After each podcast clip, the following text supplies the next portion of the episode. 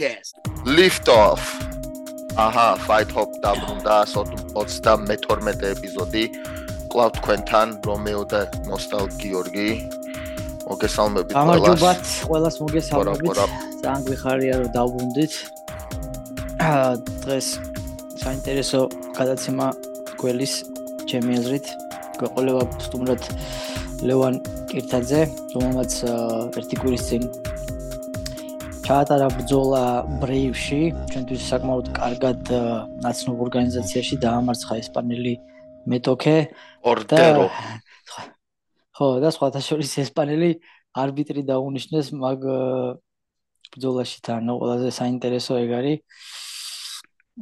აი ეგეთი თავიდან არის. ეგეთი გვინდა იმასთან, ლა ლუქსემბურგთან რა. ოღონდ ქართველი რო დაგვინიშნონ თან დინამოზე შეიძლება შანსი გქონდეს. ლუქსემბურგთან რა ხდება? აი პლეიოფი არის რა ლუქსემბურგს თან რო წავაგოთ. აბა დაგვიჯავთ. მე არ ჩე შანსი აღარ გექვი აღარ გავალთ რა ევროპაზე. უცე ფეხბურთზე გადავედით რა თქმა უნდა. ეხა ვნახე კვარას გოლი რა თაური რა თავი და აგრა გამისწორდა? ლუქსემბურგს კი მოუგებს კაცო.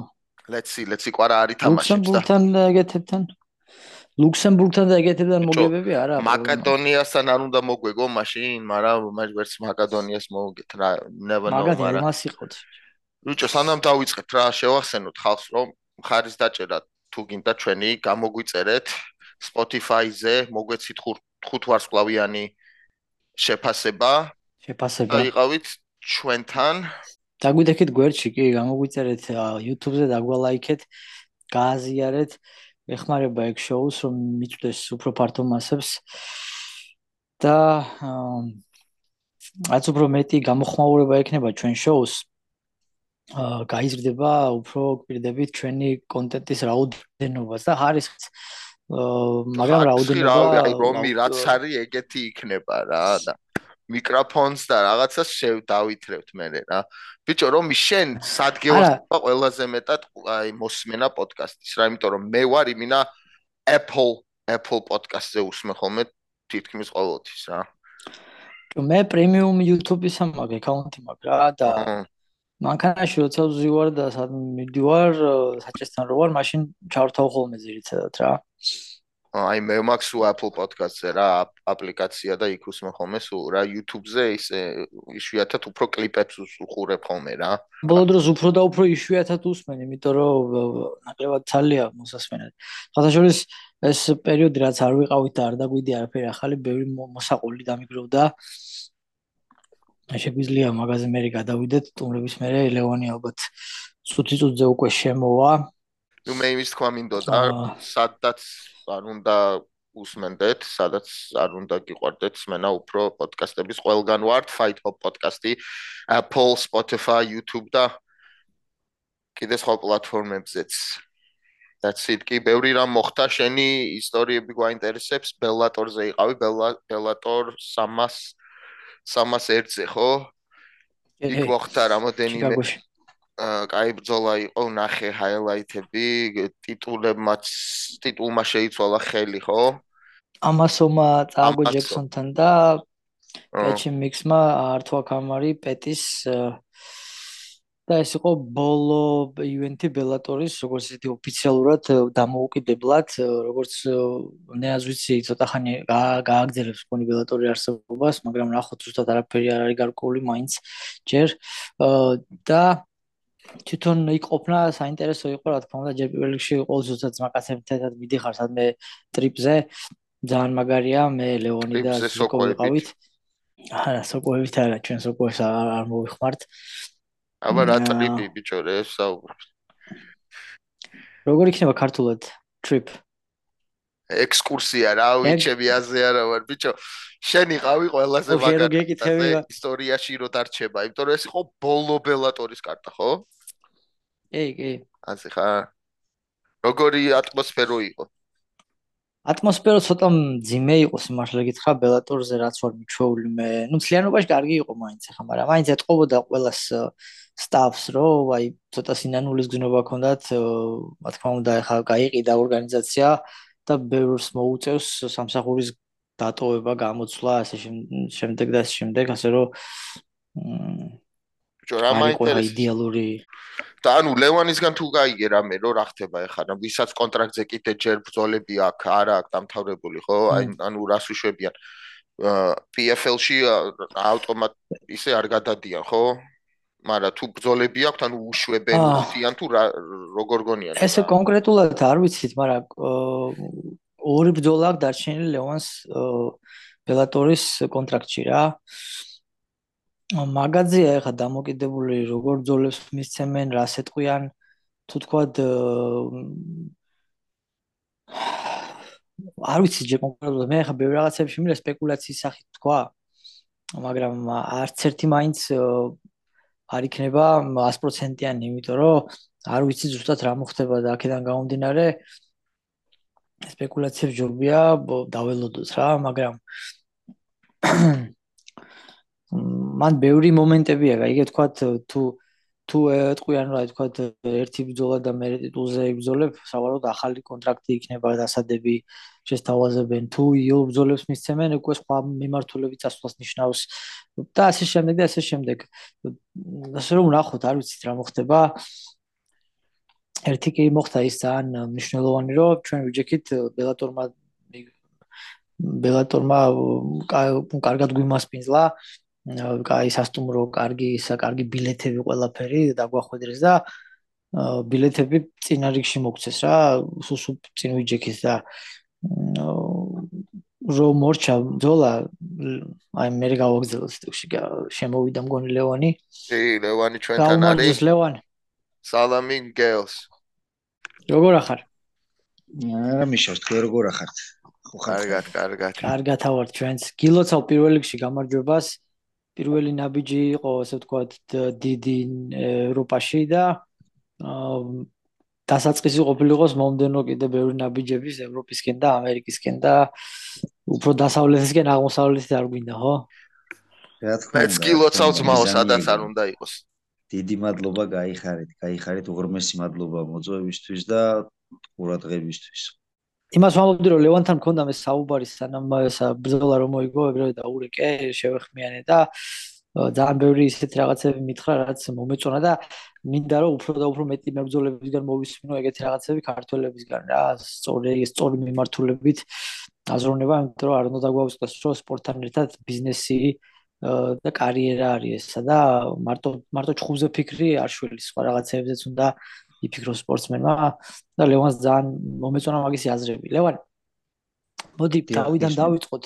გითხარი შენ შესახებ უცებ მოგვიყევი ვინც არ გიცნობს რომ გაგიცნოს უფრო ორი ორი სიტყვით საიდან ხარ როდის დაიწყე ბრძოლა რომელ კლუბებში ვარჯიშობ ძირითადად რა სტილით დაიწყე და ასე შემდეგ და ასე შემდეგ რა მოკლედ რომ მოგვითხრო ეს ამბავი მე ვარ ლევან კირთაძე MMA-ის მებრძოლი დავიწყე 6 წლის ასაკში ვარჯიში უშუსანდაში მაშინ არ იყო MMA ესეთი პოპულარული მერე და მერე წამოვიდა და მაგამდე იყო ჩუბობდი ანუ ყველა სახეობა ჩუბობდი ესე რომ ვთქვა მაშინ არ იყო ესე სარჩევად რა სადაც იყო შეჯიბრი ყველგან გამოდიოდი ყველგან ჩუბობდი კიკბოქსინგი იყო K1 იყო დაჟე ქართული საბრძოლო ძველი საბრძოლო ხელოვნება ხრიდოლი ეგეც კი ნაჩხუბი მაგ და მერე და მერე შეწამოვიდა MMA და და გადმოვედი მე მთლიანად გადმოვერთე MMA-ს სანამ ესე პოპულარული გახდებოდა MMA ხო? MMA-საც ჩხუბობდი მე კიდე იქით საქართველოები კავკასია ცხრიდოლში წკაერჩიც აი ყველგან ვიყავი მოდებული რა რომ უფრო მეტი განვითარება მეყო და უფრო მეტი წინ წავსულიყავი და მე უკვე ესე რომ პოპულარული გახდა ეს MMA-ის სახეობა და უფრო დიდი ყურადღება მიექცა. მე თავიდან ბოლომდე გადმოვერთე უკვე MMA-ზე და მაგის მერე ესე რომ ვთქვათ მოვდივარ და მოვდივარ. ანუ არასრულწლოვანი ვიყავი ესე რომ ვთქვათ 18-ის არ ვიყავი პროფებში რო ბრძოლა დავიწყე. პირველი ბრძოლა ჩავატარე 16 წლის ასაკში პროფში. და ეხლა რამდენის ხარ შენ? 26 27-ის ხო? ეხლა ვარ აი ხა გავხდი 28 წლის სექტემბერში გავხდი 28 ლოცა იგი ჯერ ჯერ პრაიმშიც არ ვარ ყველაფერი წინაა რა. კი ყველაფერი წინაა ანუ დასაკარგი დასაკარგი წლები უკვე საკმაოდ დავკარგე და გაჩერებას არ ვაპირებ და სანამ იქნება იმის საშუალება და ღმერთის წყალობით თუ უტრამოთ ჩაივლის ხოლმე ყველა ბრძოლა მე მაქსიმალურად მალმალე ავიღებ ბრძოლებს შემოთავაზება რომ იყოს მაგაზე პრობლემა არ ამაკ ლევან ბრეივზე მოგვიყევი და გიო მე შენ მოგცემ საშუალებას უკითხვა და სხვა უცებ ბრეივზე ბრეივზე მაინტერესებს. აი ხა მაგალითად ჩვენ აქ ამერიკაში რო ჩავდივარ თქვა UFC-ზე ბელატორზე უკვე ქართველებს გვიცნობენ და ძალიან ისე გვიღებენ. სიხარულით უყარვართ ძალიან პრომოუტერებს მენეჯერებს ტრენერებს ყველას უკვე ქართველებს სახელი გვაქვს და წონა გვაქვს ამერიკაში. და ბრეივში ბევრ ქართველს აქვს ნაბზოლი წარმატებულად თან ყველას. როგორი ანუ სამე რამხელა ანუ რა წონა აქვს ხა ქართულობას მან ბრეივში? როგორ როგორ მიგიღეს შორის ხოთა შორის პირველი ეგი მასაკნეს რა მაგას გაუსვეს ხაზი რომ საქართველოსდან რო ვიყავით ანუ ესეთი სტატიაც კი დაწერეს იმათმა რომ ანუ ლევან კირთაძე თუ კევინ კორდეროს დაამარცხებსო გაყვებაო იმ ქართველების კვალს. აი როგორიც ანუ ილია თოფურია გურამ ქუთათელაძე რა კვალიზატოვის ბრეივშიო აა წარმოდგენა და ის კონდათ ანუ ვინ ვიყავით, საიდან ვიყავით და როგორი მებრძოლები ვიყავით რა, ანუ ის პატივისცემა აქვთ და იციან ქართველები როგორი მებრძოლები არიან რა. ანუ კვალიდატოვებული აქვთ, ეხა ილია ჩუბობდა მან, გურამი ჩუბობდა და საკმაოდ კარგად იცნობენ ქართველ მებრძოლებს. და ბიზნესს მოიგო ერთი ბრძოლა მან. ბიზნესს მანდარი ეხა. ბიზნესს ხავაშელმაც. რუსთავში შენ ხო შენ რუსთავში ცხოვრობ ხომ გონილე კი კი მე რუსთავში ვცხოვრობ კი იცნობ ხო ალბათ? ბიზნეს კარგად ვიცნობ კი კაცო ბიზნეს კარგად ვიცნობ ერთადაც ვარჯიშობთ იყო დრო. ხო ნუ ბრეივი კარგად იცნობ საქართველოს. და მთლიანად MMA სამყარო შეიძლება ითქვას რომ კარგად იცნობს რა საქართველოს რა. კი. აა და ლეონ ფიქრობ ძალიან მაგრად გააცნეს ბიჭებმა, ვინც დიდასპარეზე არიან.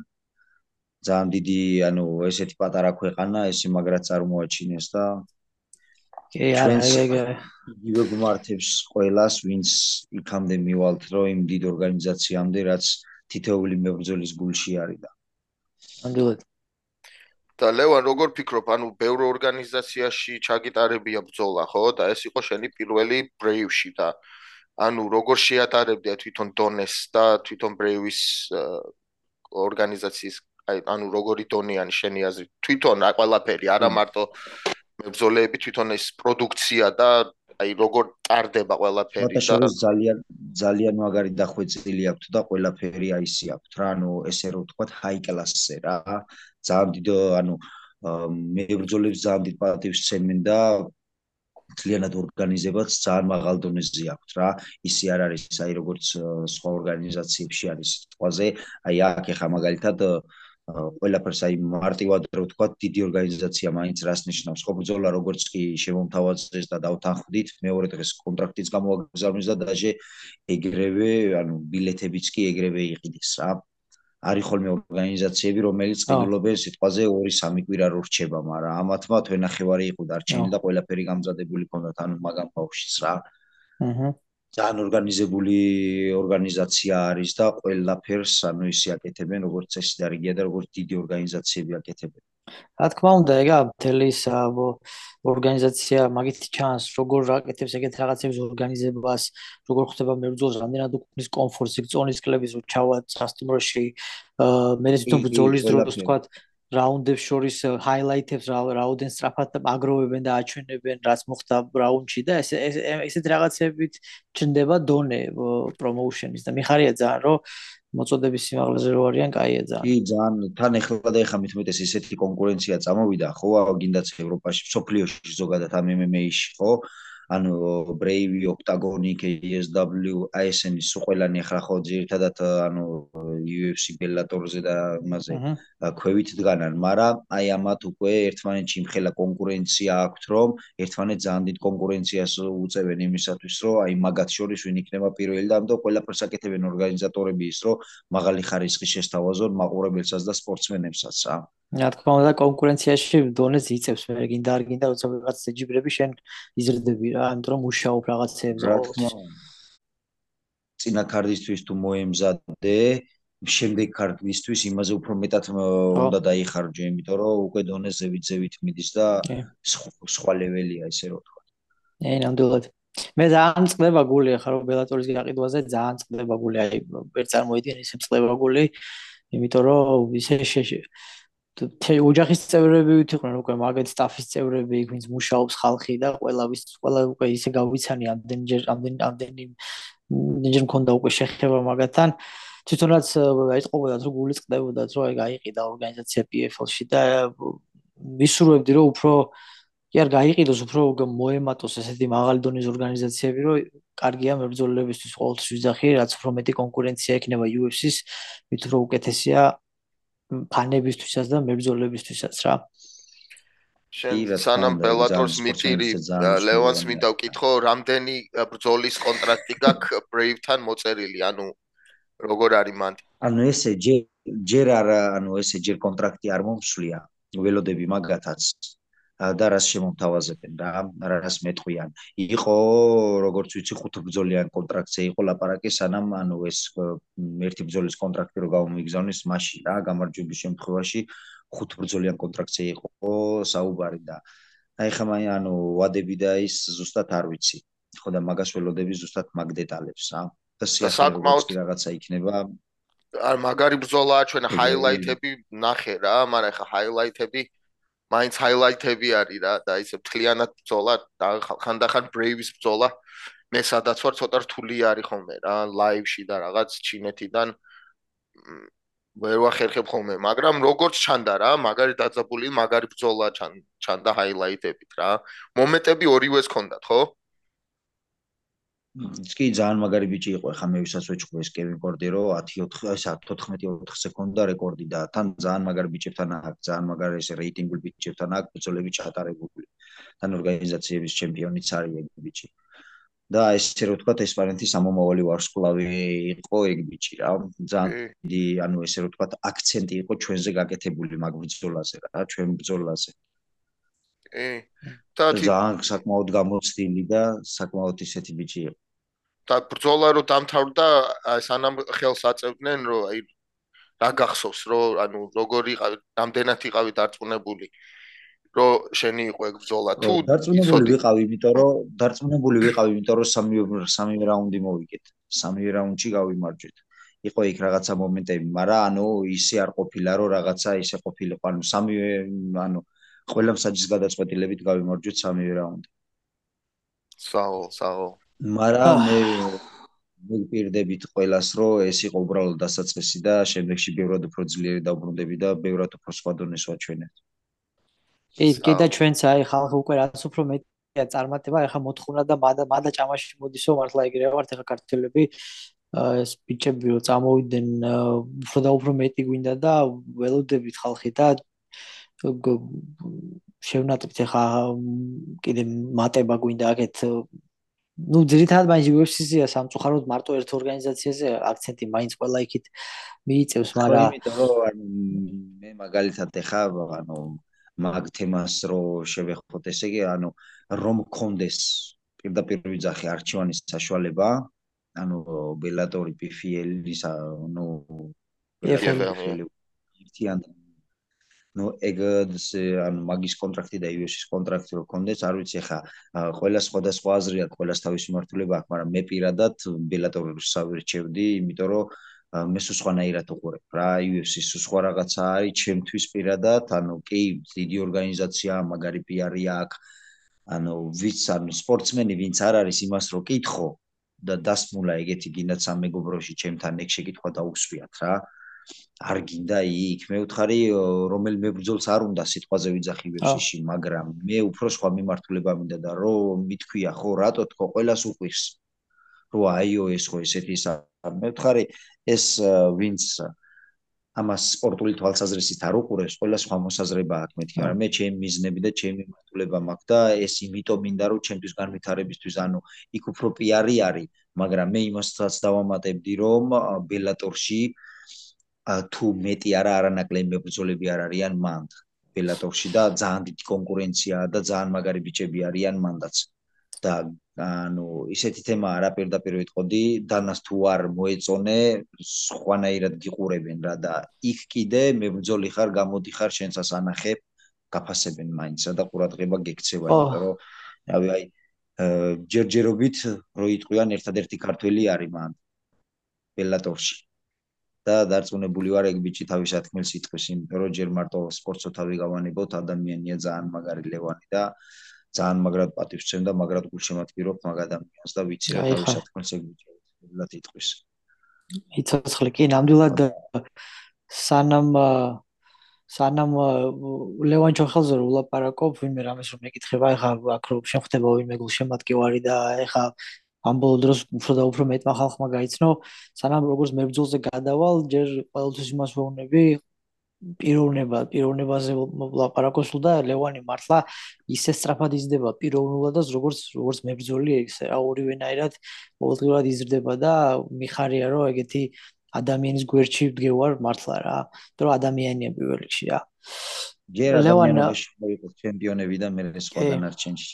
ნამდვილად, ეგრეა. ლევან ქართულ ქართულ MMA-ზე გადავიდეთ. მე მაინტერესებს ეგეთი რაღაცა შენი აზრით ქართულ MMA-ში ზოგადად რა რა რა რომელ ასპექტში არის გასამართლებელი გასამართლებელი ყურადღება რა არის გასავითარებელი ყველაზე მეტად აი თუნდაც დრილინგში ვარჯიშებზე დარბაზებში აი შენი აზრით შენი გადმოსახედიდან რაში გვიჭირს ყველაზე მეტად MMA-ს რომელ ასპექტში გვიჭირს ქართველებს პირველ რიგში რაც უნდა სამწუხარო იყოს დისციპლინაში. ეს მთავარი რაც არის. სპორტში მთავარია დისციპლინა და მიდგომა. და კიდე რაც შეეხება ქართულ MMA-ს, უნდა იყოს ჩემი აზრით გაერთიანება, აი როგორც მაგალითად სხვა ქვეყნებში ხდება, სხვა კლუბებში ხდება, ანუ ერთი ადამიანი სიტყვაზე ვიძახი ერთი მებრძოლი თუ ემზადება რამე დიდი შეჯიბრისთვის იქნება თუ რამე დიდი ორგანიზაციაში ბრძოლა როცა თლიანი რო იტყვენ MMA-ს სამყარო ერთიანდება და ეხმარებიან ყველანაირად იმ სპორტსმენს. საქართველოსიც რო იყოს ეგ სიტუაცია, რომ ყველა ერთმანეთს გვერდში დაუდგეს, ბევრად წინ წავა ქართული სპორტიც და ქართული მებრძოლებიც ბევრად უფრო განვითარდებიან, იმიტომ რომ ერთმანეთისგან რაც არ უნდა იყოს რა პატარ-პატარ რაღაცებს ყველა ერთმანეთისგან სწავლობს და ერთმანეთს ანვითარებთ უკვე აქ რა და სხვა დატვირთვა აქ უკვე ვარჯიშსა, სხვა დატვირთვა აქ უკვე ანუ და სხვანაირად იზრდები სპორტსმენიც რა. უნდა იყოს ერთობლივი ძალიან ბევრი ვარჯიში უნდა იყოს კვირაში ერთხელ მაინც უნდა იყოს ერთობლივი ვარჯიშები. ძალიან MMA-ის აი ვინებიც არიან, ხო? მე ვიზახი პირადად საქართველოსში, ხო? ვინებიც არიან ეს ძალიან მაგარი სპორტსმენები ყავს რა, რომლებიც კიდე არაჩანან საქართველოსში.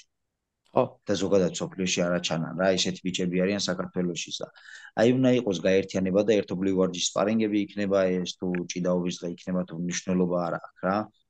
ერთი საერთო ვარჯიშები უნდა ტარდებოდეს და ყველა ერთად უნდა ირგეს, ანუ მაგითი უფრო წინ წავალთ ჩემი აზრით ვიდრე ესე ყველა ინდივიდუალურად და ყველა ესე რო თავის საქმეს აკეთებს ვითომ და მთლიან ჯამში მე მაინც არაფერი არ გამოდის.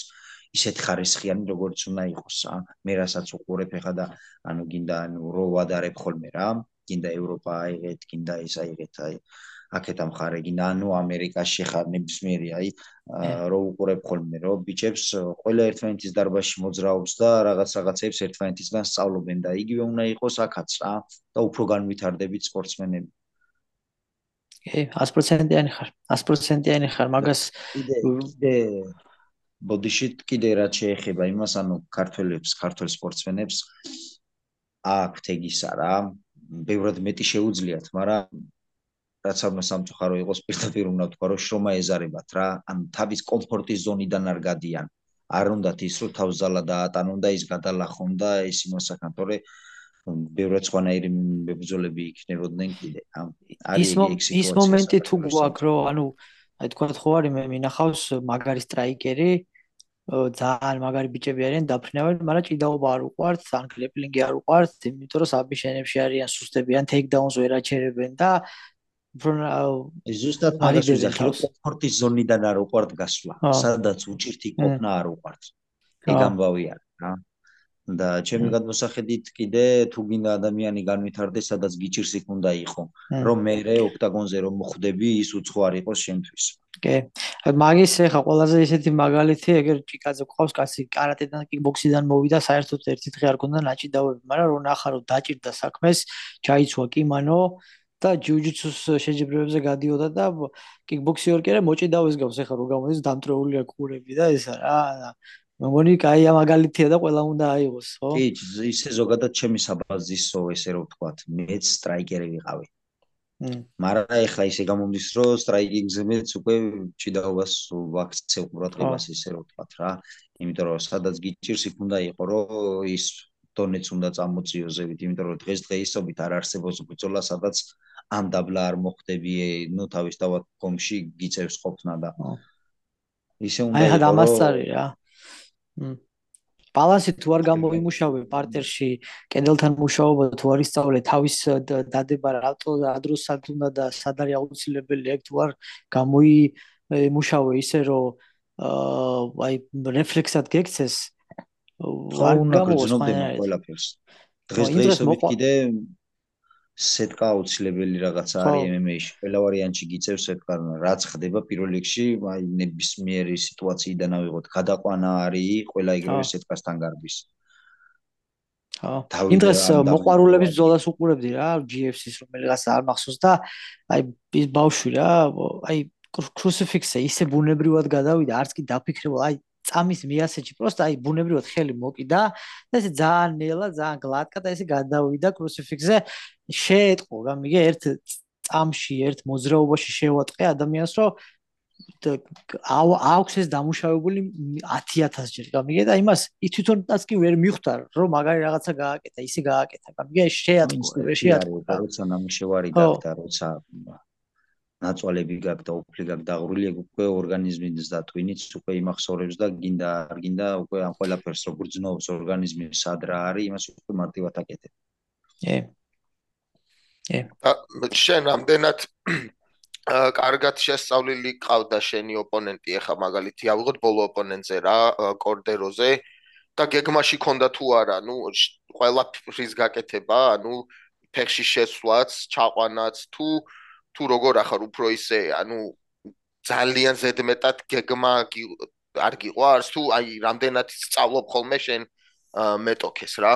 ზოგადად ზოგადად არის ესეთი რაღაცა რა ბრძოლას არასდროს არ გეგმა იმიტომ რომ იქ არიცი ბრძოლა როგორ ბრძოლა სხვა რაღაცა არის იქ არიცი ბრძოლა როგორ წაგივა. რაც შეეხება ეხლა ბოლო ბრძოლას ხო ამ ბრძოლისთვის აი რო იტყვიან ყველაფერს მზად ვიყავე რა იმიტომ რომ ესპანეთში ტარდებოდა თან თან ადგილობრივ შეჭუბებოდით და ვიცოდი რომ მაქსიმალურად ყველაფერი უნდა გამეკეთებინა და თუ აშკარა უპირატესობით არ გავიმარჯვებდი რატომაც ეგეთი ის მქონდა რომ ესე მარტივად გამარჯვებას არავინ არ მოგცემდა და ამიტომ იყო რომ აი ყველაფერს ვაკეთებდი და სულ ცდილობდი რომ ისეთი პრესინგი შემეკნა აი ესე უხეშად რო თქვა ზაღლურად მეჭიდავა რასაც ანუ ევროპელები რასაც უკვირდები ახლა ხო ეგეთ ჭიდაობას ბევრი ანუ ვერ უძლებს ეგეთ ტემპს ვერ უძლებს ბევრი ანუ აი აი მარტივი მაგალითი ავიღოთ უსმანი და ხამზატის ბოლო ბრძოლა აი ბოლოს რაც იჭუბა იყო ესეთი ლაპარაკები რომ უსმანი ძალიან მაგარი მოჭიდავეაო და ვერაფერს ვერ უზავს ჩიმაევიო და ზუსტად ეგ ისავ თქვი რომ კი მაგარი მოჭიდავია მაგრამ ამ კავკასიელებს და იმას აქვს სხვანაირი ჭიდაობა. რო იტყვიან ზაღლური ჭიდაობა რა ბოლომდე სანამ თავისას არ გაკარგეშვებიან ხო და ზუსტად აი ეგეთი იმით ვიყავი მეც რომ ისე უნდა ჩამეტარებინა ეგ ბრძოლა რომ რაღაც კითხვის ნიშნები არ დამეტოვებინა რა. ტემპი სხვანაირი იყო მაგძულაში ხო ჭიდაობის ტემპი აი უსმანი ეგეთ ტემპში არ ჭიდაობს უსმანი უფრო თავის თავის იმებს იმაშვება რა ქვია თავის ფესვებს გაადა და თავისი ტემპი ჭიდაობს და მიყავს და აქ სისტრაფე ტემპის სხვა იყო ხო. მაგრამ ესე დაიღალა ხამზატი მაგ ჩუბში მეორე რაუნდის ბოლოს უკვე დაღლილი იყო რა ერთადერთი ვინც მინახავს რომელსაც აი ხუთი რაუნდი შეუულია ეგრე ჭიდაოს ხაბიბია ალბათ რა ხაბიბი და ალბათ მერაბი რა თქმა უნდა. მერავი ხო ეგ ეგ ეგ ყველა ვიცის რომ ყველაზე მაგარი მატორი მაგას აქვს თელს MMA-ში რა. ხო. და ლევან ადამიანს. ეხა მოდის რამოდენიმე დიდი ბრძოლები ჩვენთვის რა ისტორიულად ეხა ილიას პირველი ტიტულზე შანსი ექნება საქართველოს დროშით რა თქმა უნდა ესპანეთითაც მაგრამ კიდე არის ჭიკაძე და ჯოშ ემეტის ბრძოლა დოლიძესაც დანიშნული აქვს და რამდენად აკდევნებ ხოლმე რა თვალს და ნუ რა აზრის ხარ თუ შეგიძლია რომ შეეხო ახლა ჩვენ ჩვენებს რა და მაგათ ბრძოლებზე? რა თქმა უნდა რა თქმა უნდა ვადევნებ თვალს იმიტომ რომ ქართველები არიან ყველაფერს თუ მაგათ კი არა ანუ ძალიანად უყურებ მაგ ბრძოლებს და მithumetes-ოცა ჩვენი ქვეყნის შულებს ეხებათ და ჩვენ მებრძოლებს ეხებათ რა თქმა უნდა თვალს ვადევნებ და ეხლა როგორ არ უნდა გინდოდეს რაც არ უნდა იყოს და რაც არ უნდა მაგარი იყოს რა თქმა უნდა ილიას პირველ რიგში ილიას შევეხები, იმიტომ რომ კამარზე უწევს ბრძოლა და რა თქმა უნდა, მაგრად გამიხარდება თუ მაგ ბრძოლას ისე დაამთავრებს, როგორც თლიანად საქართველოს და თავის გულს გაუხარდება და მაგარი ბრძოლა იქნება ახლა ვოლკი ძალიან მაგარი ბიჭი არის მე პირადად მაგრად მომწონს მაგისი მაც მაგისი ანუ თავისი ანუ კარიერის პიკში არის უკვე რა იმიტომ რომ ის ბიჭებს მოუგო მაგან. თან ისე. Always ორჯერ ორჯერ ბრძოლა აგერ ორტეგას რა ბრძოლა მოუგო საიდან და მოუგო? სამჯერ always სამჯერ მოუგო სამჯერ და ხო ხო მესამეთას და იმას კიდე ორტეგას ვაფშე საიდან გამოუძრა რა ბრძოლა დაუტრიალა და ძალიან მაგარი ბიჭი არის ვულკანოსკიც მაგარი გამძლეა მაგრამ ილია კიდე ახალგაზრდა არის ახალგაზრდული სისხლი უდობს და სხვა ისათან ეხა ბოლო ბრძოლას რასაც უყურე ემეტისთან ბევრად დასტოინი იყო და ზედმეც არაფერს არ აკეთებდა. კი ზუსტად. და რო იტყვიან დაშალა ემეტი კი და რა შეეხება ეხლა რომანის ჩხუბობსთან სხვათა შორის მაგარ ბიჭი ბრძოლება თან ხუთი რაუნდი პირველად იბრძოლებს ალბათ ხუთ რაუნდს იმიტომ რომ რომანის ბრძოლა ჩემი აზრით დაჟე ბოლო ბრძოლა საის წაგებული ბრძოლას რო გადავხედოთ ვეტორისთანაც, ვეტორისთანაც ბევრად მეტი შეეძლო. რასაც მე უყურებდი, უბრალოდ რატომღაც ესეთი ის დამრჩა რომ ნოკაუტზე ჩაიციკლა. ხო, ჩემი აზრით რომანის პრობლემა ის არის რომ ერთიანებს უშვებს ბევრს, მაგრამ მიაყაროს 3-4 დარტყმიანი კომბინაციები, ეგ ერთიანები ყოველთვის ხელები აქვს თან. კი, ძალიან მაგარი ძლიერი დარტყმა აქვს, ხო. მაგარი ჯიცერი არის, ანუ მაგრათაც ჭიდაობს. საინტერესო ბრძოლა იქნება და რა თქმა უნდა გულშემატკივრობ ჩვენებს და ე ძალიან გამიხარდება თუ ყველა ისეთ შედეგს დადებს. და შენ ჩვენ ქვეყანას კიდე უფრო წინ წამოწმებს და შენ ზუსტად იგივე რამეს აკეთებს მაო რა და ვამაყობ შენ რა თქმა უნდა ძალიან ძალიან მინდა რომ აი ყველა რაც შეიძლება მეტი ჩამოვიდეს აქ და იმედია მალე ძმაო შენც აქ გიხილავთ ბიზნესაც კიდე ბევრი არიან იქ ბიჭები მათე და ისინი და მათე ძალიან მაგარი ბიჭი არის და კიდე ძალიან მაგარი ბიჭები არიან აი თუნდაც ამირან გოგოლაძეც ნუ მაგაში კი ყველა აბსოლუტურად. ტანზილოვი არის იქით კიდე.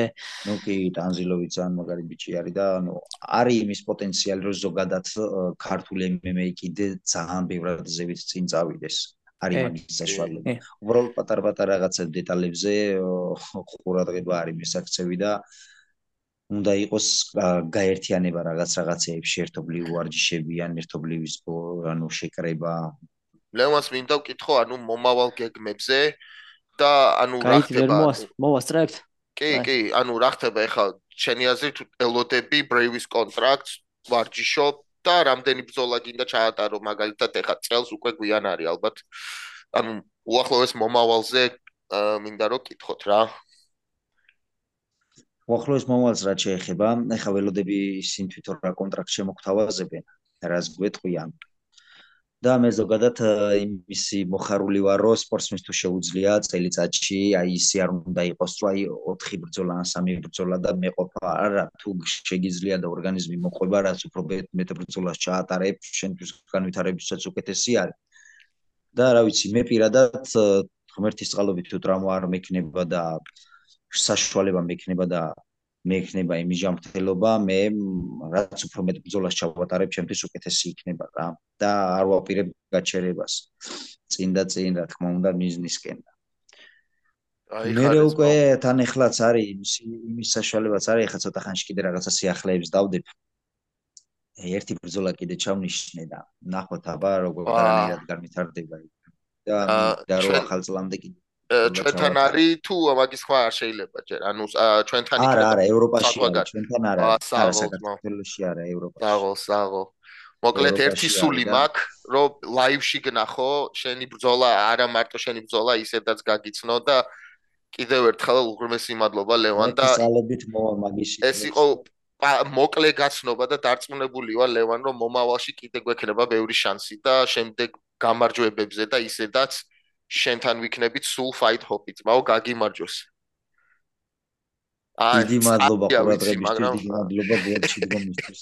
აკავარცუ, უბრალესი მადლობა გვერდში დგომისთვის და მე ზუსტად მაგას ვაპირებ, რომ ანუ სანამ კონკრეტულ მიზნამდე არ მივალ, მე გაჩერებას არ ვაპირებ, რა თქმა უნდა, მეტი შრომა და შრომა თავის შედეგს აუცილებლად გამოიღებს და მე გაჩერებას არ ვაპირებ, საკმაოდ წლები დავკარგე. ხონდა პაუზა და და საკარგი დრო უკვე დაიკარგა ალბათ ეგრე იყო საჭირო და ეხლა კიდე პირიქით შრომა და შრომა.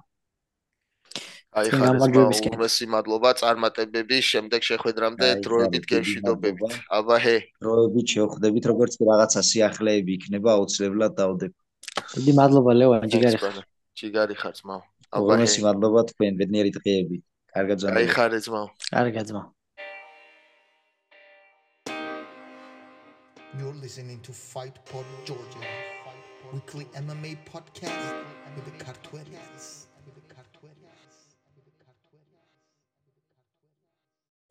ეს იყო ჩვენი ინტერვიუ ლევან კირთაძესთან. ბიჭია ძალიან საინტერესო ადამიანია, საინტერესო სპორტსმენია, მომავალი ერთ-ერთი ამომავალი ქართველი და უშუალოდ წარმატებები მინდა ძალიან რომ წინ წავიდეს წარმატებას მიაღწიოს ცხოვრებაში. აა და ხო, გავაგზავნოთ ჩვენ ხო, რასაც ყვებოდი უცებ წინარიგში ვიჯექით და ლევანის ზონაში იყო თადიტულო ბრძოლა, ბოლო ბრძოლა რა, main event და ჯერი მე დავიწყებ რომ ამასოვი, ნუ ჩვენთან ერთად იყო სასტუმროში და რო დაგვინახა, რო ჩავედით იმ დღეს ზონას იკლებდა უკვე და რაღაცა და არა, ზონის ჩაბარების ახალი ჩაბარებული ქონდა ზონა.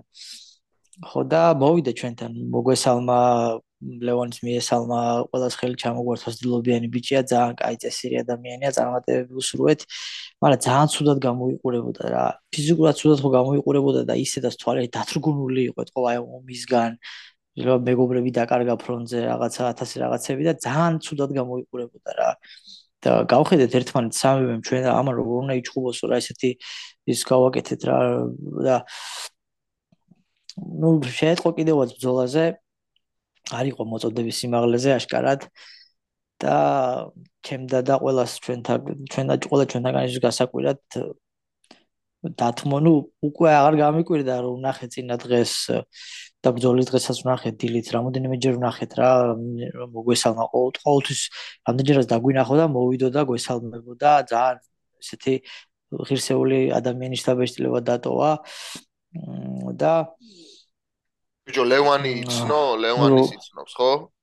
კი კი ლევანი იცნო თქო და არა შეჩემა მე მიცნო და ლევანთან ისე მივიდა ჩერეს ჩემით რა. მეც არ თქვი ამასთან რა მიიყვანა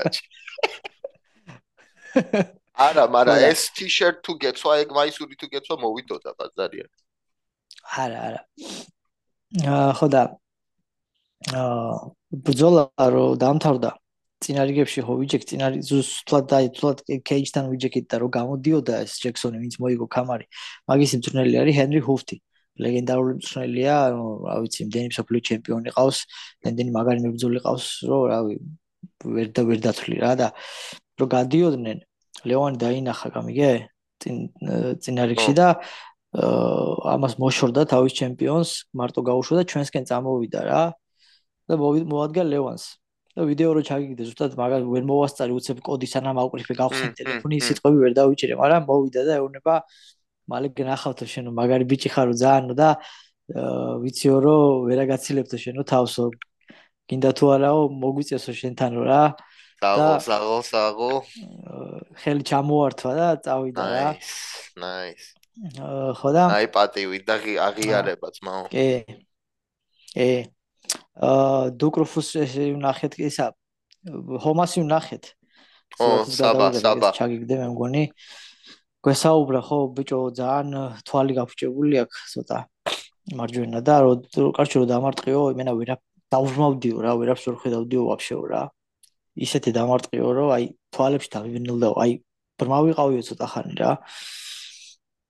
აა კიდევ ნეიდიაზე დილით ჩამოვდივარ პარასკევ დილა ყავა მინდა ესენი ვერ გავაღვიძე ეძინათ ამათ რა. მე მუშაობდი თან რემბრემოულს ხო მუშაობ მე და ყავა მინდა მე ყავას ჩავდავლებ თქო და ჩამოვდივარ ქვემოთ და შავები მაცვია ხო და დიასაც შავები აცვია და შავი შავი კეპკა ახურავს სულსუ და ეს და მეც ეგეთ ზმანზე ვარ შავი კეპკა შავები მაცვია თავიდან ბოლომდე ესე. და ჩამოვიდი დილით მეთქი ფოიეში ყავას დავიცრებ თქო და გაიჩნდა დიაზი რა თავის ცოლთან ერთად და ბიჭო ესე ტელეფონში იყურება, გაიგე? ხო, უმცროს. ეს ტელეფონში იყურება და გამომხედა და და შემომხედა მეორე, თქო შავი ბრო ესა რაღაც ჩემი გუნდელი ხო არა ვიფიქრე რა ვე.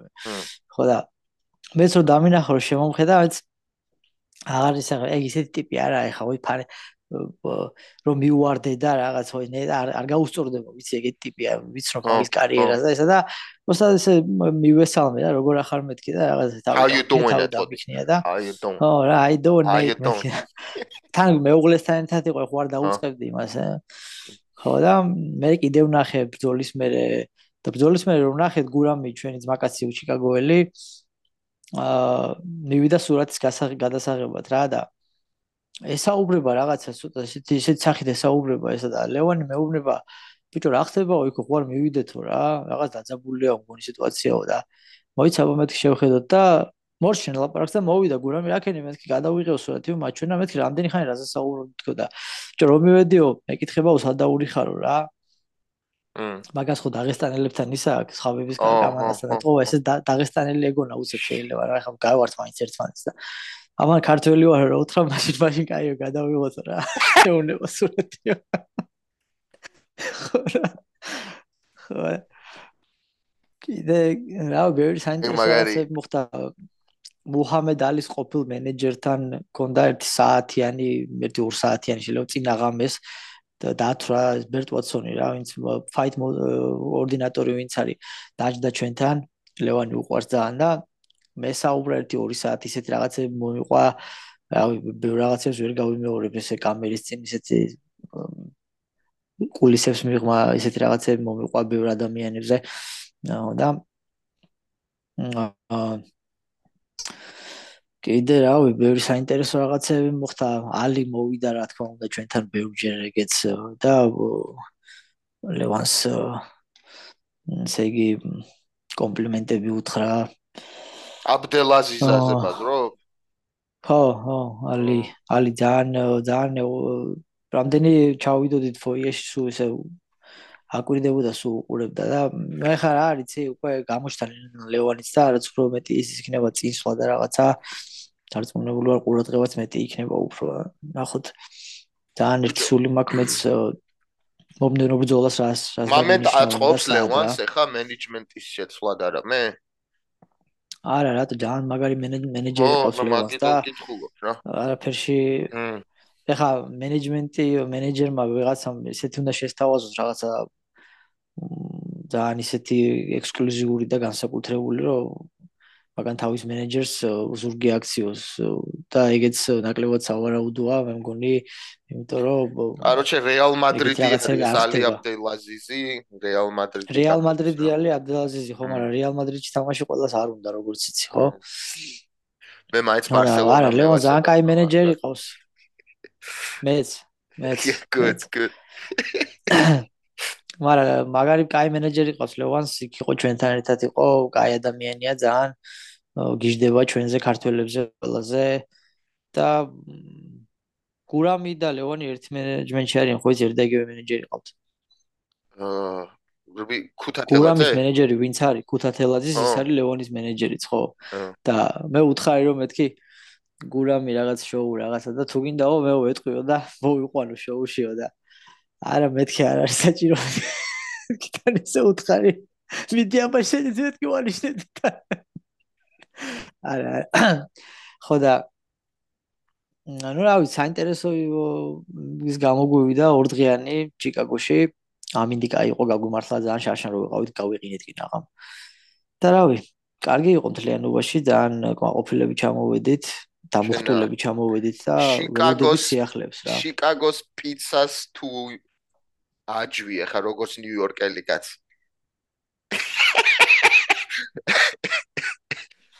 ახვედი და სუიგინებოდი იტალიელი. ხო იმენა ფუფ ეს რა პიცაა და ბიჭო ეხლა რა არის ცი უყურე როგორი რა ამბავია აჭარული ხაჭაპური სადა ყველაზე მაგარი? აჭარაში კახეთში. აა ხო უფრო სუში სუში ყველაზე მაგარი სადა აა ტაილეთში აა ხო ხო ხო. იაპონია. პიცა ყველაზე მაგარი სადა ნაპოლი. ნაპოლი. აა get the fuck out of here. ნაპოლი აპოლი არა ის მაგარი გამოცდილება იყო რა გამოცდილება რა ბოლო ბელატორის კარტაზე ყოფნა, ну, მაგარია ძალიან რა. ე, ძირითადად ეს იყო ეს ის რომ ჰენრი ჰუთმა ისე დაგვაფასა და ესე თვითონ მოვიდა ჩვენთან და ესეთი სიტყვები გითხრა. ეგ ძალიან მომაგარი იყო და ფაქტია რომ დარბაში რაც ხდება ეს ხმები მე მისდის ყოველას და ძალიან ბევრი უკვე ჯო ჰენრი ჰუფტი სად არის? იქ არის? ფლორიდაში არის ახლა? კი კი. კუდუხა მაგასთან გადავიდა სხვათა შორის სავარჯიშოდ. ფლორიდაშია კუდუხა კი მაგასთან არის ახლა ჰენრი ჰუფტთან არის და მოიცა ანუ ყველაზე დიდი დარბაზი სადაც არის მან ხო? იქ 80 ესე რა ქვია? არა არა არა. მან არა მან არ არის ჰენრი ჰუფტი თავის დარბაზია ცალკე რა. აა ცალკე? აჰა მეს ცალკე ხო და მოიწყდა სახელი რა.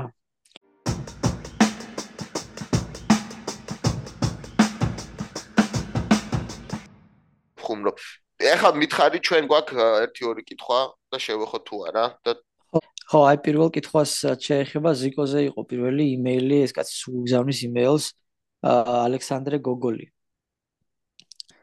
ზიკოზე და ბოდიში თუ ამით რომ წაგიღეთ ტვინიო პირიქით ჩემოძმაო რას ლაპარაკო ზიკოზე ლაპარაკი მე არ მომწყდება არაზროს ზიკო არის აი სკივრი რო გაქვს რა ოქროთი და რო ვერ გახსნი. რო შიგნით რო რაცა ის რო ამოიღო და მოიხმარო აი ეგეთი სიტუაციაა ზიკო რა.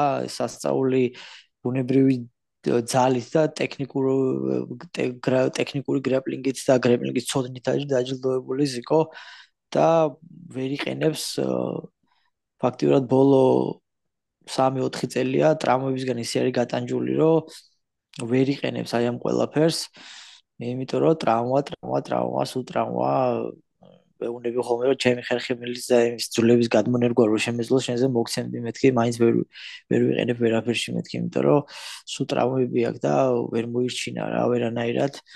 მაგრამ ბიჭი შეეძინა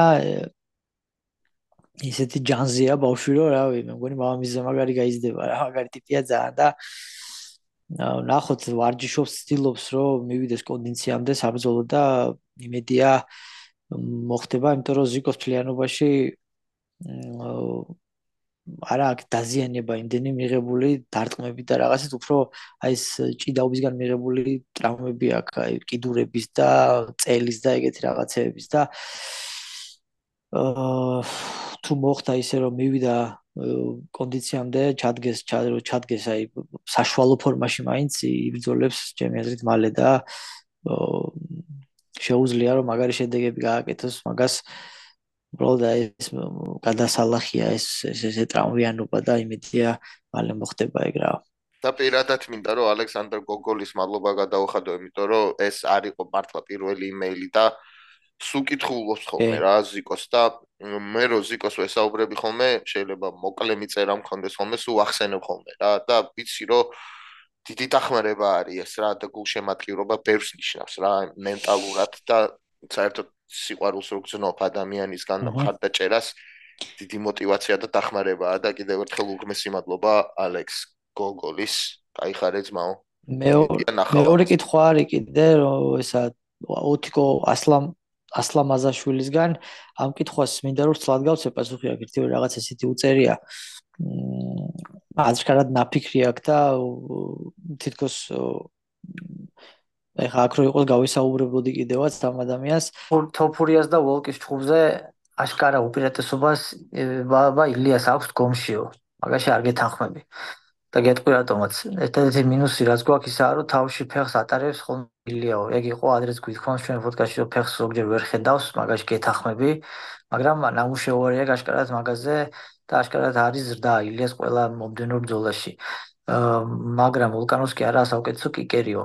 კი თავში ფეხს არ უშვებს ვულკანოვს. თავისი სიმაღლითაც გვაძლევს ამის სიმაღლის გვაძლევს ამის საშუალებებს, რასაც ვოლკის საფრთხეს ხედავ მიწაზე რომ ჩაგვიყვანოს პრესინგის დაიწყებს და მან და დაიღალოსო. თავარი ალბათ ეს პრობლემა გვექნება ჩემი აზრით. ისე თქვენი აზრით მაინტერესებს რამდენად გვექნება უპირატესობა ჭიდაობისას ვოლკთან კლინში და პარტერში ორივეს შესაძლებლობებიდან გამომდინარე. მადლობა წინასწარ. ესე იგი, კარგი კითხვაა ძალიან პირველ რიგში. მინდა გითხრა კომპლიმენტი კითხვისთვის. მადლობა დიდი, ასევე აა შეეხება დგომში უპირატესობას. ესე რო ვთქვათ, რომ გონში უპირატესობა აქვს ილიას, ამაში ვერ დაგეთანხმები ვერანაირ შემთხვევაში, მიუხედავად იმისა, რომ მინდა რომ დაგეთანხმო. აა ილიას აქვს უპირატესობა აა დარტყმის ძალაში. დარტყმის ძალა არნიშნავს იმას, რომ უპირატესობა გაქვს ტექნიკურ ასპექტში აა ისა ქვია დგომის. აა ჯერ თუნდაც იმას რომ გადავხედოთ, როგორ სტრაიკერებთან აქვს მოგებული ვოლკანოვსკის აა ვილიასთან შედარებით UFC-ში, ეგეს გვეტყვის ყველა ბევრ ამეს რა. აა მაგრამ შეიძლება უფრო მეტი უფრო უფრო ტექნიკურად უფრო რაღაცა ჩახლართული რთული სტილი კონდეს და უფრო მეტი იცოდეს შენზე კარგად, შენზე მეტი, მაგრამ რა ქვია, მოწინააღმდეგე სტრაიკინგში, მაგრამ აი ეს ძალა დარტყმის, რაც აქვს ილიას, შეიძლება მთლიანობაში მაგან მოგცეს. უპირატესობა, ანუ რას გულისხმობს, შეიძლება ოკანოვსკიმ პირველ თქვა დაიწყო პირველი რაუნდი, თავისი ფეინტების, ტექნიკის და დისტანციის და ზოგადად სტრაიკინგის აღქმის ხარჯზე უპირატესობა მოიპოვოს თავიდან ილიასთან, მაგრამ ილიამ ერთი ორი ისეთ კომბინაცია გაუკეთოს, რომ გააჩეროს, ან საერთოდ დააგდოს. აი ამ ხრივ აქვს უპირატესობა ილიას. გაცილებით უფრო ძლიერი დარტყმები აქვს, გაცილებით უფრო სუფთა ბოქსი აქვს, მაგ ხრივ კი, მაგრამ თლიანად სტრაიკინგი, როგორც აკეთებს მიქს ვოლკანოვსკი, დაგიწყებული ფეინტებიდან დამთავრებული ლეკიკებით, ლეკიკებში მოგვიწყობა, რომ თავის ლეკიკებით რიტმიდან აგდებს მოწინააღმდეგეს. სანამ დაი დაიწყებ შენ რიცხვი როგორც კი შეგატყოს რომ რიცხვი ჯდები და პოულო ბილიქს რომელსაც უნდა იარო ეგრევე ამოგაგდებს მაქედან რა ისეთ რაღაცებს გაგიკეთებს და მაგ მხრივ ესე რომ ვთქვა რომ 100%-იანი რომ ილიას უპირატესობა კონტროლ ვერ დაგეთანხმები მაგაში რაც შეეხება ჭიდაობას საინტერესოა შენ რასაც წერ მაგრამ ჩემი აზრით არც ისე დიდი უპირატესობა არ იქნება ჭიდაობაში ვულკანოსკის როგორც შენ ვთქვა ასახი ამ კითხვაში იმიტომ რომ აა ვულკანოსკის აქვს ღრმულები, მინუსები თავის გრეპლინგში, მიხედავს რომ ძლიერია ფიზიკურად, კონტროლით შეუძლია, ალბათ რამდენად გააკონტროლებს ილიას ეგ არ ვიცით, იმიტომ რომ ილიას ფიზიკურად ძლიერია. აა და ტექნიკურად საბმიშენებში არის იმის შანსი რომ დავიჭიროთ რაღაცაზე რა, გილეტინაზე დაიჭირა ვორტეგამ, რაღაცა არ იყო რომ დაესაბმიშენებინა, მაგრამ ილია ძალიან საკმაოდ ძლიერია ჯუჯიცუში, შავი გამარია, ჭიდაობას კარგად იცის. ასე რომ ეხა მას რა ქვია არ ველოდები ნამდვილად სამკუთხედებს ქვემოდან და რაღაცებს, მაგრამ და არც კიმურას და ეგეთ რაღაცებს, მაგრამ ის რის დაჭერა რეალურია რა, ნამდვილად და არ მექნება არ მექნება დიდი ის გაუცებული რეაქცია ეგ რომ მოხდეს. ასე რომ აა თან გეთახმები თან არა თლიანობაში ჩემოძმაო მაგრამ მომწონს კითხვა ძალიან და მომწონს მომწონს ეს ადამიანები განათლებულ კითხვებს სვამენ და ჭკვიანურ კითხვებს სვამენ იმიტომ რომ ესე იგი ჩვენი პუბლიკა როგორც ესეთი ვითარდება კარგია როდესაც ფანებს ესმით სპორტი და არა მარტო ჰაიპის ენა რა თვითონ სპორტი რო ესმით გაიგებად რა იციან რას უყურებენ ეგ არის ძალიან მნიშვნელოვანი ამით მაგალითად იგივე ამერიკელ ფანებთან შედარებით წინ არიან იაპონელი ფანები. იაპონელი ფანები რო შედან და უყურებენ ბრძოლას, სიჩუმეა, აკვირდებიან ბრძოლას, აინტერესებს რა ხდება. იგივეა თქვა და სად შეიძლება კიდე ეგეთ რა თქვა თუნდაც აი დაღესტანში რო ჩავიდეს დარწმუნებული რომ თელი დაღესტანი ჭიდაობს და ან ჩხუბობს ხო? არის ეგეთი კულტურა აქვს მაგათაც მებრძოლის კულტურა მებრძოლი კულტურა აქვს და დარწმუნებული ვარ რომ უფრო მეტი ესმით იქაურფანებს საშუალო დონეზე ვიდრე თქვა იგივე ამერიკაში ან თუნდაც ევროპის რომელიმე ქვეყანაში ასე რომ კარგია და კარგი იქნება თუ კი უფრო და უფრო მეტი მაყურებელი ფანები უფრო ღრმად შეიცნობენ სპორტს და ესეთი საინტერესო კითხვები დაებადებათ და არა ის რომ რა ქვია ეს ხაბიბი არ მევასება სუჭიდაობს და ეგეთი რაღაცეებია. იმიტომ ჭიდაობს რომ ეგა მაგის ძლიერი ფარი მოდი ერთს დავამატებ რა ამ კითხვაზე, საინტერესო კითხვა იყო უბესი მადლობა და აი ორი დღის წინ იყო ილიას ინტერვიუ რა და თვითონ რა თქვა თუ მოსმენილი გაქვთ რა თუ მოусმენთ არ ვიცი. ინგლისურად იყო მაიკ პერისთან პოდკასტზე რა, კამპაი მედია არის, მაგის სპონსორები არიან რა, მოკლედ რა და მაიკ პერი მებაზრა რა, მაიკ პერი ხო იცით ალბათ კეცოდინებათ რა თქმა უნდა და აა მან დახსენა ილიამ რომ აი ამ კამპში მოსამზადებლად ვოლკანოვსკისთან დაუბრუნდა ზუსტად თავის ფესვებს. და დაუბრუნდა კიდაობას და გრაპლინგს დაუბრუნდა ზუსტად ვოლკანოვსკისთვის და ეს რაღაცას იცახის არა მგონი რომი შენი აზრით აი რას იცახის ეს? ეს ეს იმას იცახის რომ შეიძლება პარტერში არ გადაიყვანოს და იქ კონტროლი არ ვნახოთ მაინც და მაინც შეიძლება ვნახოთ მაგრამ მინიმუმ როგორც მინიმუმ გეგმაში აქვს გამიქსვა უნდა ყავდეს გამოცნობაში ვოკანოვსკის რაღაცით უნდა გააკვირო უნდა უნდა ყავდეს გამოცნობაში. ყოველთვის კარგია MMA-ში ყოველთვის ყოველთვის კარგია თუ გაქვს მებრძოლ სამის შესაძლებლობა რომ ყავდეს მოწინააღმდეგე გამოცნობაში რომ შეაშინო ეგრევე თავიდან ტეიქდაუნით რომ მთელი ბრძოლის განმავლობაში მაგას კონდეს ფიქრად როცა წინ წამოხვალ შენ ფიქრად რომ კონდეს შეცვლის ლეველს გადაუღო პრეპარატორში შეეცდება რომ გადაიყვანო გადამიყვანოს თუ თუ ჯებით მოდის თუ ასე რას აპირებს. ანუ ეგ ეგ ფიქრი რო კონდეს შემოწინაამდე ეს ეგ კარგია ძალიან და ერთი რაღაცა მინდა თქვა სპათაშურის აა ეს სიტუაცია ძალიან მაგონებს აა მე სიტუაციას რომელიც მოხდა სადღაც 7-8 წლის წინ მაგრეგორმა მოუგო ჩედ მენდეს თუ გახსოვს ტექნიკური ნოკაუტი დროებითი გამარი ინტერნ ბელტი მოუგო მაშინ.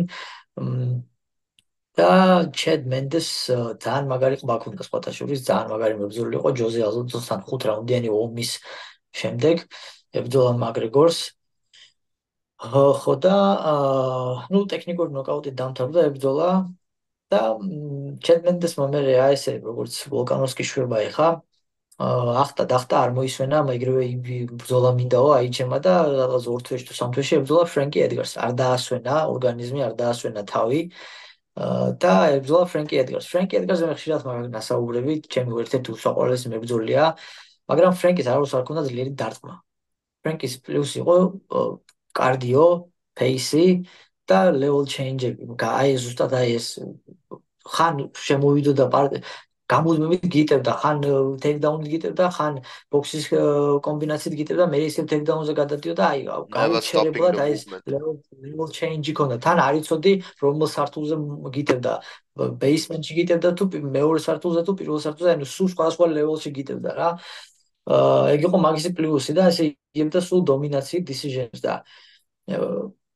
ჩედმენდეს რომ დაიწყო ბრძოლა პირველივე კომბინაციაზე ჰუკი წაარტყა ოდნავ, ოდნავ წაარტყა ჰუკი რა და ჩედ მენდესი აი თითქოს კომპიუტერი რო გაითიშება, ესე გაითიშა რა. იმიტომ რომ თავი არ ქონდა დასვენებული რა. მაგრეგორთან ბრძოლისში მე რო გაი რო გათიშა მაგრეგორმა მაგის მე არ დაასვენა ორგანიზმი საკმარისად. ჩემი აზრით არ გამეკურდება თუ იგივე სცენარი გამეორდა აქ შეიძლება ისე მოხდეს რომ ვოლკანოვსკიმ არ დაასვენა ხა საკმარისად ორგანიზმი თან ეს მარტო ის ხوار ბრძოლიდან ბრძოლამდე ხა თელი კენტი არა უბარაუბული კავნონდა I know what you're saying but I wouldn't count on that. უბრალოდ უბრალოდ ვამბობ, უბრალოდ ვამბობ. სპეკულაციები ნუ გიყვარს რა. სპეკულაციები კი არ მიყვარს, მე უბრალოდ პარალელები გა Hey, I'm chopped, I'm busting your chops. Yeah, I'm busting your chops. You always like სპეკულაციები არ მიტატა. I'm like maybe this, maybe that and I'm like, eh, she's speculianto. ბიჭო. და ილია ილია ილია რომ მარცხენა ხუკით მოიგებს ამ ბრძოლას პირველ რაუნდში ნოკაუტით მე სპეკულაციები იქნება რომ მოგადგები ო აი ეს მომწონს უკვე რა the boldest man statement.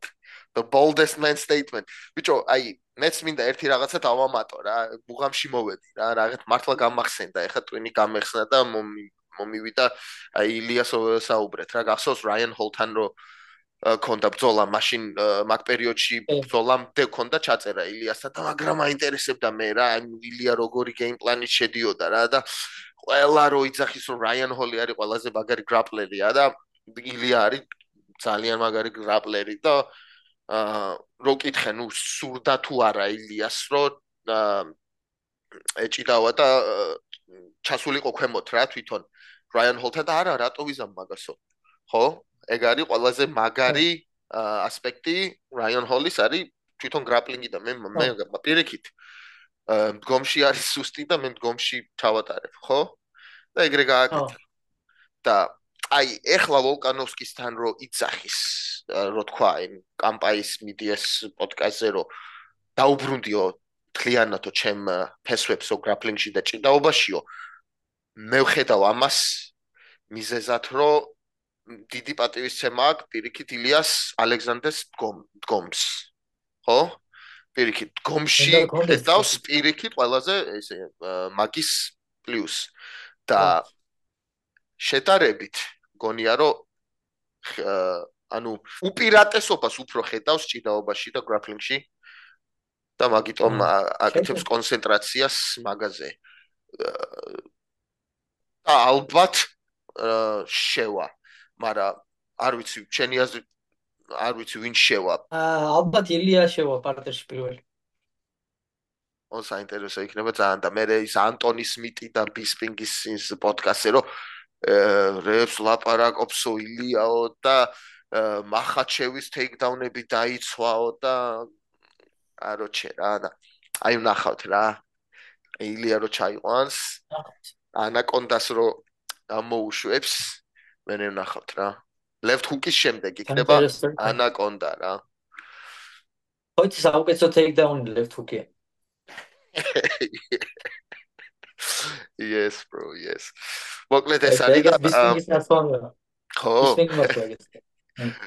ბიჭო მოკლედ დავასულოთ ეხა და შემდეგ კვირას მაგარი ბზოლები არის ბენილ დარიუს არკიანი კი და დაგეგმილი მაქვს ძალიან განსაკუთრებული სტუმარი ერთ-ერთი ყველაზე ერთ-ერთი ცნობილი შევინახოთ on the hash ნახოთ თუ არა ფინანსარ ახლა კი კი არის ხო არის დაწყებულია მოლაპარაკებები. მაგრამ ნახოთ რა იქნება. ქუთათელაძე არა თველა ნუ იღარიათ და ნახოთ რა თუ მოვიტანეთ თქვენამდე ხო გაითვალა. მოკლედ შემდეგ კვირას არის ბენიელ დარიუს, არმან წარუკიანი, ჯეილინ თერნა, ბობი გრინი, რობ ფონტი, დევიდსონ ფიგორედო ამოვიდა ბანთამვეიტზე, საინტერესო ბრძოლები არის, კიდე შონ ბრეიდი, კელვინ გასტელუმიც ძალიან მაგარი ბრძოლა არის. ამ ამ კარტას მართლა ველოდები და მაგის მერე იქნება კიდე ერთი fight night-ი, სადაც სონია დონგი შეხვდება გუტირეს და მაგის მე ანუ ორ კვირაში გამო გამოდის რომ ნუ 17 დეკემბერს არის უკვე ჩვენი კარტა სადაც გიგაჭიკაძე იქნება პრილიმების ბოლო ბრძოლო ბრძოლა პრილიმების ბოლო ბრძოლა ჯოშემთან მაგას ველოდებით და ერთი კვირით ადრე გავაკეთებთ ამ ბრძოლის განხილვას უფრო კარგად ტექნიკურად. შევეცდებით ვინმე ისეთი ყავდეს კიდე მესამეც ვინც შეავსებს იმას, რასაც ჩვენ გამოვტოვებთ. ერთი მოკლე მოკლე მოვიყვანოთ. ერთი გრძელი რა. და ვასაუბროთ ერთმანეთს. ერთი დაბალი, ერთი მაღალი. ერთი წვრილი, ერთი სკელი. ეს ის მაგ აი აი ესა ჩემი მეწყვილე ხალხო. აი ესეთი აი ამ კასტამის მუშაობა. Yes man, you're blessed brother, you're blessed. მოკლედ ურმესი მადლობა ხალხო დროებით გემშვიდობებით ფაით ჰოპერები იყვარდეთ ერთმანეთი. აბა ჰე დროებით